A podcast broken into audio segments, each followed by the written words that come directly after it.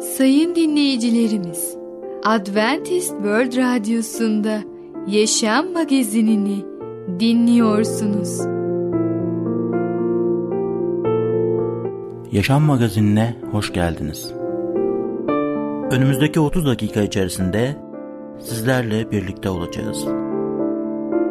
Bugünkü programımızda yer vereceğimiz konular Tanrı yapabilir, Tilki ile Leylek, Kuvvetli Aile Ruhu.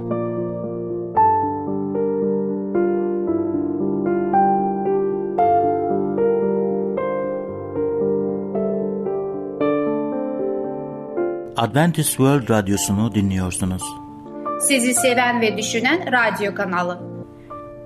Sayın dinleyicilerimiz, bizlere ulaşmak isterseniz e-mail adresimiz radio.umutv.org radio.umutv.org Bizlere WhatsApp yoluyla da ulaşabilirsiniz.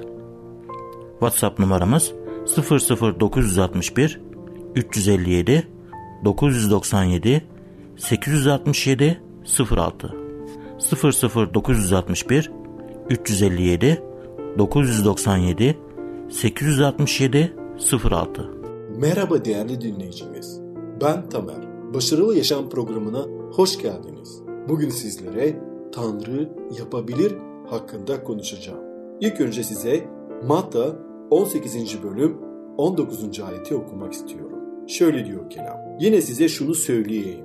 Yeryüzünde aranızdan iki kişi dileyecekleri herhangi bir şey için anlaşırlarsa göklerdeki babam dileklerini yerine getirir. Biliyor musunuz? Bir hanımefendi kendisinin yaşadığı bu öyküyü anlattı.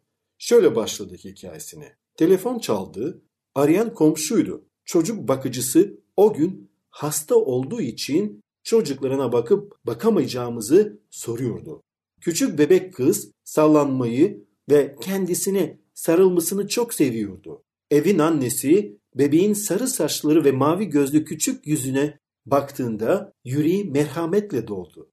Bu çocuğun hayatında kurtuluşu bulmak için ne gibi bir fırsatı vardı? Annesi bebeğin ona bakması üzere bulduğu herhangi birine bırakarak dışarıda çalışıyordu. Babası ise alkolikti ve ailesine çok kötü davranıyordu. Bebeği kollarına sallarken şöyle dua etti. Sevgili göklerdeki babamız, lütfen bu canın bir gün seninle birlikte harika cennetinde olması için bir yol aç. Evin kızı ve orada oturan bir arkadaşı da bebeği sırayla salladılar. O gün hepsi de sessizce aynı duayı etti. Ama kimseye bir şey söylemedi. Aradan birkaç yıl geçti. Bir gün anne gazeteyi okurken birden dikkatini çeken bir haber gördü. Haberin başlığı şöyleydi. İki yaşındaki kız bilinmeyen bir nedenden ötürü öldü.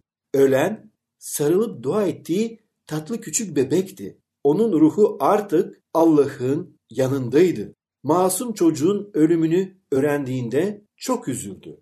Ama çocuğun gelecekte cennette olacağını umutla geleceğe baktığı için birdenbire kalbinde esinlik duydu, huzur duydu. Çünkü biliyordu ki göklerdeki semavi babamız, yüce yaratıcımız Allah'ımız o masum bebekleri de kendi yanına cennetine alacak ve onlara güzel bir yaşam hediye edecek. Orada en iyi şekilde büyümelerini sağlayacak. Peki kutsal kitap insanların ölümüyle ilgili ne diyor? Kutsal kitap şöyle der. Vahiy 21. bölüm 4. ayet cennetteki yaşam için artık ölüm olmayacak. Fidye sayesinde sonsuz yaşama erişebileceğimizi daha önceki bölümlerde size konuşmuştuk. Ve bu fidye Efendimiz İsa Mesih'tir. Ancak insanlar ölmeye devam ediyor. Ölüm şu anda hayatımızın bir parçası olduğu için şu sorunun cevabını merak ediyoruz. Ölünce bize ne oluyor? Bu soru özellikle sevdiğimiz biri öldüğünde önem kazanır. Şunları düşünebiliriz.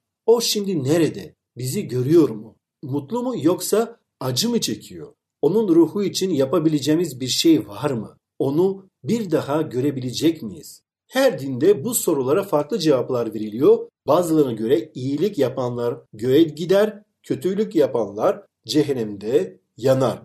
Başkaları ise insan öldükten sonra ruhunun yaşamaya devam ettiğini ve daha önce ölmüş olan aile üyelerine katıldığını söyler. Peki dinlerde ölümle ilgili hangi ortak düşünce var? Ölümden sonrasıyla ilgili inanışlar birbirinden farklı görünebilir ancak hepsinde ortak bir düşünce vardır. İnsan öldüğünde ruhu yaşamaya devam eder. Peki bu doğru mu? Ölünce biz gerçek anlamda ölmüyor muyuz? Ruhumuz hala yaşamaya devam ediyor mu? Veya ölünce bize ne oluyor? Öldüğümüzde bize neler olduğunu bilen yüce Tanrı'dır. O insan öldüğünde hayatın sona erdiğini söyler. Ölüm yaşamın tam tersidir.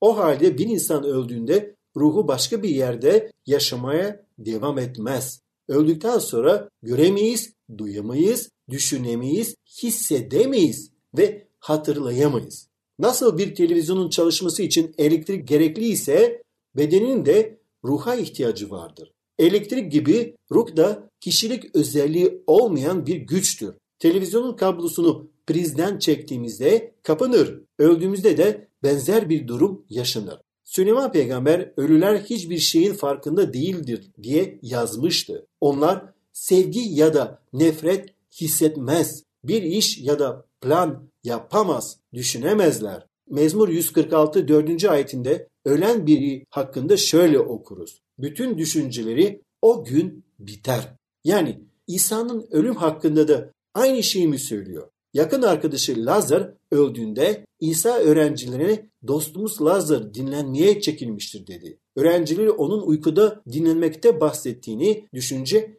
İsa açıkça Lazar öldü dedi.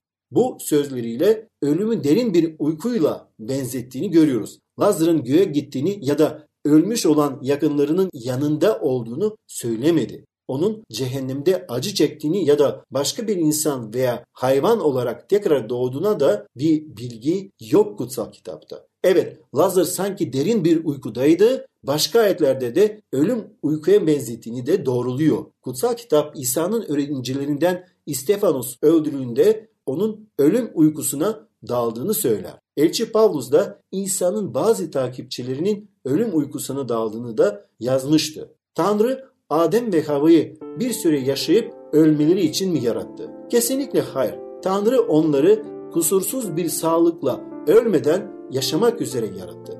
Sonsuza dek yaşama arzusu koydu. Hiçbir anne baba çocukların hastalanıp ölmesini istemez. Tanrı da bizim için aynı şeyi hisseder. Tanrı da bizim için sonsuz yaşama sahip olmamızı ister.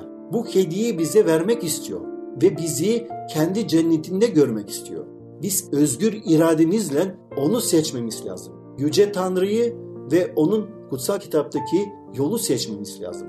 Ancak o zaman onun yardımıyla mutlu yarınlara, başarı dolu bir iman yaşamına sahip olacağız. Değerli dinleyicimiz, bugün Tanrı yapabilir hakkında konuştuk. Bir sonraki programda tekrar görüşmek dileğiyle, hoşçakalın.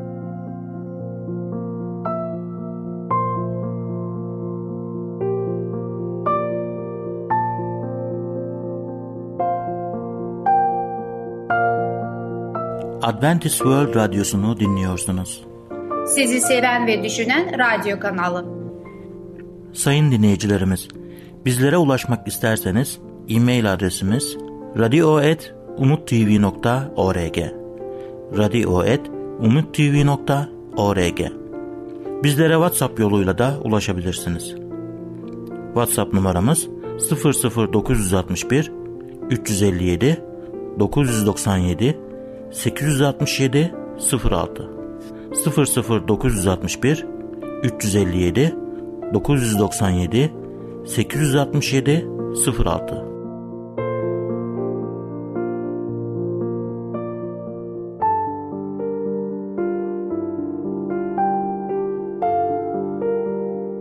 Merhaba ufaklık. Ben Fidan.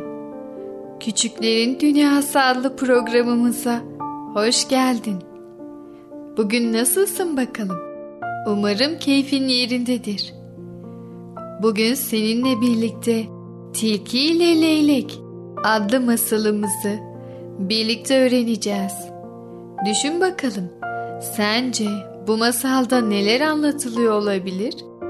Bu masalda arkadaşlarımıza, komşularımıza nasıl davranmamız, nasıl iyilik yapmamız gerektiğini öğreneceğiz.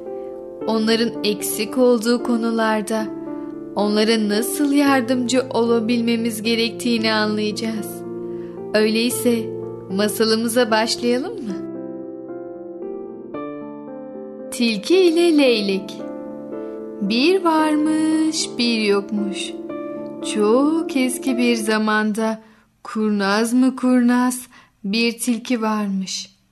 Bu tilki ormanın uzak bir yerinde güzel bir evde yaşarmış. Her sabah evinden çıkar. Ormanda türlü türlü haylazlıklar yaparmış. Yaz mevsimi gelince leylekler tilkinin yaşadığı ormana taşınmışlar. Leyleklerden birisi tilkinin evine yakın bir yerde kendisine ev yapmış. Böylece tilki ile leylek komşu olmuşlar. Leylek evini bitirince tilki onu evine çağırmış. Öyle ya yeni komşuyu misafir etmek gerekiyormuş. Tilki güle oynaya leyleğin yanına gitmiş. Bir gün bizim eve gel leylek kardeş demiş. Birlikte yemek yiyip sohbet edelim. Leylek bu davetten pek hoşlanmış. Çok teşekkür ederim tilki kardeş. Akşama gelirim diye cevap vermiş. Leylek komşusunun evine gitmek için hazırlanmış. Beyaz tüylerini yıkamış, taramış. Akşam olunca tilkinin evine gitmiş. Tilki de hazırlanmış. Leyleği bekliyormuş. Kapı çalınca açmış. Hoş geldin Leylek kardeş. Haydi gel de yemeğimizi yiyelim demiş. Leylek hoş bulduk diyerek sofraya geçip oturmuş. Acaba tilki kardeş ne yemek yaptı diye merak ediyormuş. Az sonra tilki sofrayı hazırlamış. Çorbayı tabaklara koyup masaya getirmiş. Ama tilki bu. Hiç haylazlık yapmadan durur mu? Sofraya çorbadan başka hiçbir yemek getirmemiş. Üstelik tabaklar da dümdüzmüş. Leylek çok şaşırmış. Benim gagam upuzun. Ben bu çorbayı nasıl içeyim diye düşünmüş. Öylece yemeklere baka kalmış. Leylek öyle boynu bükük bakarken tilki sofraya oturmuş.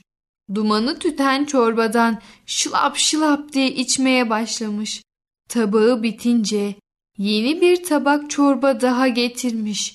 Onu da leyleğin önünde içip bitirmiş. Leylek de uzun gagasıyla çorbadan içmek için uğraşmış. Ne kadar uğraşırsa uğraşsın birazcık çorba bile içememiş. O zaman tilkinin bir oyun oynadığını anlamış. Buna çok üzülmüş. Ama yine de tilkiye hiçbir şey söylememiş. Çıkarken birkaç gün sonra sen de bize gel komşucuğum birlikte yemek yiyelim demiş. Tilki hay hay pek sevinirim hemen yarın akşam gelirim diye cevap vermiş. Ertesi gün tilki Leyle'ye gitmek için hazırlanmış. Hava kararınca hoplaya zıplaya Leyleğin evine gitmiş. Yemeklerin kokusu evin dışından bile geliyormuş. Tilki ağzı sulana sulana kapıyı çalmış. Tak tak tak. Leylek hemen kapıyı açmış ve tilkiyi içeri buyur etmiş. Tilki neşeyle Leyleğin evine girmiş. Karnı açlıktan gurulduyormuş. İştahla sofraya oturmuş. Aman leylek kardeş ne çok zahmetler etmişsin. Kokusundan belli ki et pişirmişsin demiş. Leylek ya öyle hemen getireyim de soğumasın demiş. Et yemeğini sofraya getirmiş. Getirmiş getirmesine ama o nefis yemek ağzı dar ve upuzun bir kabın içindeymiş. Leylek Haydi buyur tilki kardeş demiş ve yemeye başlamış. Leyleğin gagası kaplara rahatlıkla giriyormuş. Ama tilkinin koca ağzı bu kaplara sığmamış. Tilki ne yaptı, ne ettiyse bir lokma bile et yiyememiş. Yutkuna yutkuna leyleğe bakmış. Leylek yemeğini kolayca yiyip bitirmiş. Tilki de aç kalarak sofradan kalkmış. Bakmış ki yapacak bir şey yok. Bir kelime bile söylemeden evine gitmiş. O giderken leylek arkasından gülmüş. İyilik yapan iyilik, kötülük yapan da kötülük bulur demiş. Evet ufaklık. Yavaş yavaş programımızın sonuna doğru geldik. Bu masalımızda tilki ne yaptı? Evet, bir güzellik yapıp, bir iyilik yapıp arkadaşını evine davet etti. Fakat arkadaşı leylek yemek yemedi. Çünkü onun gagası çok uzundu. Eğer bizim de arkadaşlarımızın yapamadığı, gücü yetmediği konular olursa lütfen tilki gibi olmayalım. Bizler onların kusurlarına yardım edelim. Aslında leylek de burada hiç güzel bir davranışta bulunmadı. Ondan intikam aldı. Bizler leylek gibi de olmayalım. Bize kötülük yapan arkadaşlarımıza bile yardımcı olmaya çalışalım. Bir sonraki programımızda tekrar görüşene kadar kendine çok iyi bak ve çocukça kal.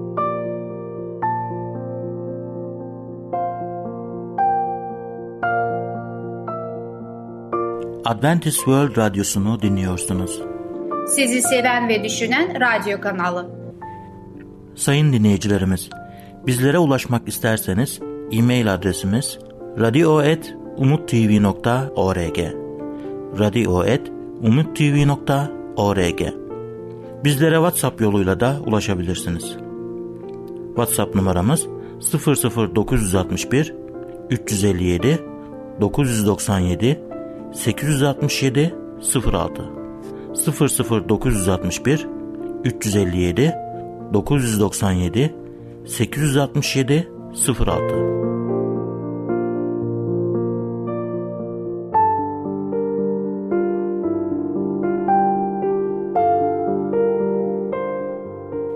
Sevgili dinleyici merhabalar. Ey Babalar programıyla sizlerle birlikte olmaktan mutluluk duyarım. Ben Ketrin. Bugün sizlere konuşmak istediğim konunun ismi kuvvetli aile ruhu. Kuvvetli bir aile ruhu bizim için önemlidir.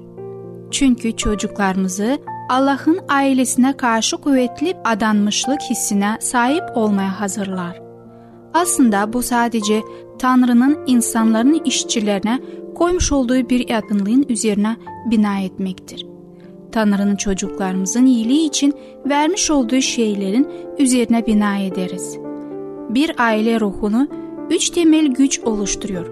Bunların birincisi bir bağlılık hissidir, bir ait olma hissidir, bir kimlik yeridir. Köklerimin olduğu bir yeridir. Anne babanın olduğu yeridir. Ben sadece bu nesilden değil, yüzlerce yıllık bir geçmişte ailemin geri kalanıyla birleştiren bir soydadır. İmanlı bir anne babası ya da kardeşleri olan herkesin bu tür kökleri vardır. Buna sahip olmayanların bunu çocuklarına sağlamak için altın bir fırsatları vardır. Ama bağlı olmak için kişinin köklerini takdir etmesi lazımdır. Bu aileye özdeş olmaktan mutlu olmalıdır. Kendi ailesini neden tercih ettiğini kimseye kanıtlaması gerekmez. Ama onları başka bir aile değişmez. Ailesinin kusursuz olmadığını bilir. Ama onlara yine bir sevip takdir eder. Aile bu şekilde takdir edilmeden fazla bir aile ruhu olmaz. Bir aile ruhundaki bir sonraki güç de aile sadakatidir. Birbirimizle akraba olmakla kalmayız. Aynı zamanda birbirimizle ilgileniriz de. Birbirimize yardım ederiz. Bir aile üyesinin bir ihtiyacı bütün aileyi ilgilendirir. Bir adam bana bunun nasıl bir şey olduğunu kendi deneyimleriyle şöyle anlattı. Eğer benim evdeki soba çalışmıyorsa kardeşime telefon edip ona sobanın çalışmadığını söylerim. Ona gelmesini söylemem bile. O kendi kendine gelir. Sadakat birbirine adanmışlık demektir. Birbirimize inanırız. Kendi hayatta kendisine yardım edecek kimse olmadan tek başına hisseden kişiye acıyın. Yuhanna 5. bölümde kötürüm adam İsa'ya bana yardım edecek kimse yok demişti. Böylesi bir yalnızlık çok acınacak bir durumdur. Hamdolsun ki ona gerçekten yardım edebilecek olan kişi yanına gelip ona yardım etmişti. Allah genelde insanlara dayanabilecekleri bir aile sağlar. Genelde ailede birbirlerini birbirlerine destek sağlayacak kadar seven insanlar vardır. Hayatta buna sahip olmadan kendilerini yalnız bulanlar için Tanrı lütuf ve onlara yardım edecek başkalarını verir. Ama imanlı ailesinde Tanrı birilerin birbirlerine karşı derin bir öncelikli sorumluluk duymalarını ister. Hatta 1. Timoteus 5. bölümde dullara bakma sorumluluğu kilisenin dua evinin onlara bakmasını beklemesinden önce ilk olarak yegenlere kadar kendi ailelerine vermişti. Aile ruhundaki üçüncü güçte bir onur hissidir. Ailemizin ismine ve diğer birilerine saygı gösterip onları koruruz. Yaptığımız şeylerin sadece kendimiz üzerinde değil, ailemizin geri kalanın üzerinde de iyi de kötü de bir iz bırakacağını anlarız.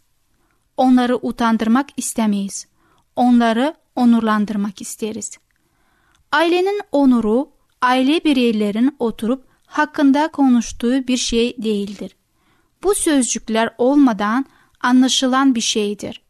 Kendi başına bir araç ya da doğru yaşamak için ana motivasyon da değildir. Sadece sağlıklı aile ilişkilerin oluşturduğu diğer olumlu güçler eşlik eder.